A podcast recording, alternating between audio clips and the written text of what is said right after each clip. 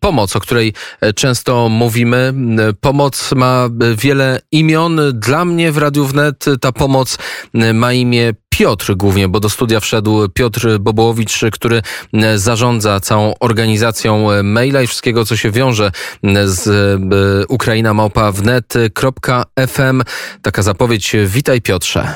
E, dobry, dzień dobry jeszcze. jeszcze dzień dobry, dzień. tak. Piotr, e, Piotr, potrafisz zawahać się, czy jest dzień, czy jest noc, bo przecież dla ciebie ten dzień trwa nieskończenie od kilku dni. To fakt, to fakt. Staramy się pracować, znaczy pracujemy tyle, ile potrzeba po prostu. Więc jeżeli mamy w nocy ludzi, którzy wiemy, że gdzieś tam jadą, którzy nie do końca mogą się skomunikować e, z, na przykład z kierowcami, gdzieś przekraczają granicę, nie wiadomo której, e, to będzie, to, to monitorujemy na przykład. E, dzisiejszą noc akurat spędziliśmy właściwie chyba wszyscy śpiąc, bo trochę nas zaczęła gnębić choroba i po prostu też musieliśmy zadbać o własne zdrowie i trochę odpocząć, więc dzisiaj jakieś 6 godzin solidnego snu udało się zażyć, ale tak, ale poprzednie noce w większości były Mm, były bardzo pracowite. A jak wygląda taka rozmowa? Ja wiem, że każda oczywiście jest inna, każda potrzeba jest inna, ale mm, dajmy na to, budzi cię o drugiej w nocy mm, telefon, dzwoni ktoś, to mówi, no jestem tu właśnie na przejściu, co mam dalej robić? Jak o, to wygląda? O drugiej w nocy ciężko mnie obudzić, bo o drugiej w nocy jeszcze z reguły nie śpię. No tak. E, z reguły wygląda to tak, że e, ktoś do nas zgłasza się wcześniej, pisze albo, e, albo dzwoni, bo też nasze numery rozeszły się gdzieś tam pocztą pantoflową i wśród różnych osób, które są jeszcze w Ukrainie i wśród osób, które są już tutaj w Polsce. Więc te osoby e, nie tylko już piszą do nas maile, ale też po prostu się do nas zgłaszają. My też e, staramy się monitorować różne grupy, bo jest bardzo wiele grup, gdzie ludzie proszą o pomoc, gdzie ludzie tę pomoc oferują. Więc staramy się też z tego korzystać.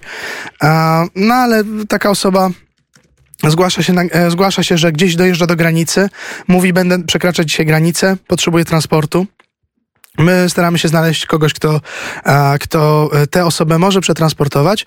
Mm, no i e, ta osoba jedzie na granicę. Jedzie na granicę mniej więcej w tym czasie, który wyliczamy, że jest potrzebny. E, jak bardzo jest to duża rozbieżność? Wystarczą takie dwie sytuacje z ostatnich dni.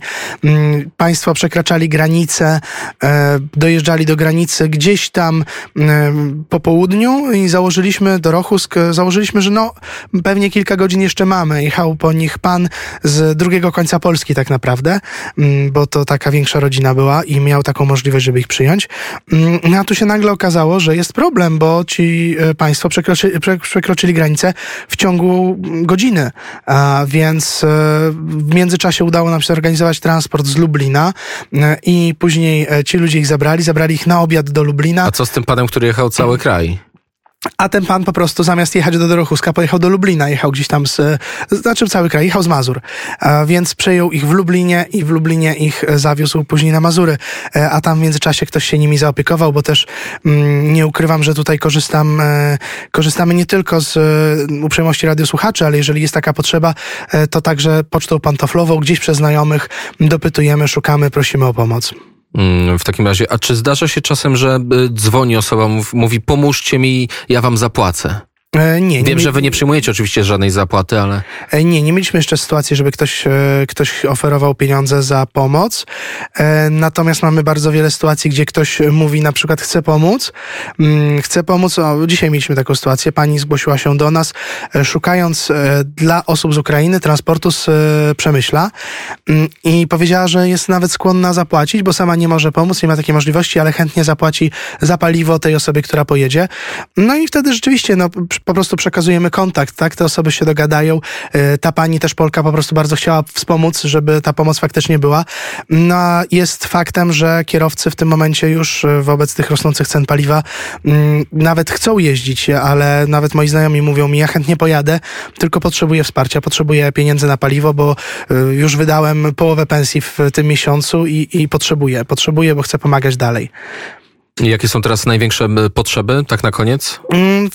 Wszystkie potrzeby są aktualne. Transport, e, potrzebujemy w sumie transportu kierowców, którzy są dostępni e, także na tygodniu w godzinach dziennych. Wiadomo, że większość osób pracuje, no ale może akurat ktoś z naszych e, radiosłuchaczy ma pracę, która pozwala mu na samodzielne ustalenie grafiku, byłby dyspozycyjny w różnych godzinach, bo rzeczywiście te potrzeby są czasem takie, że o różnych porach ktoś się zgłasza i potrzebuje pomocy. I właśnie mam kolejny telefon.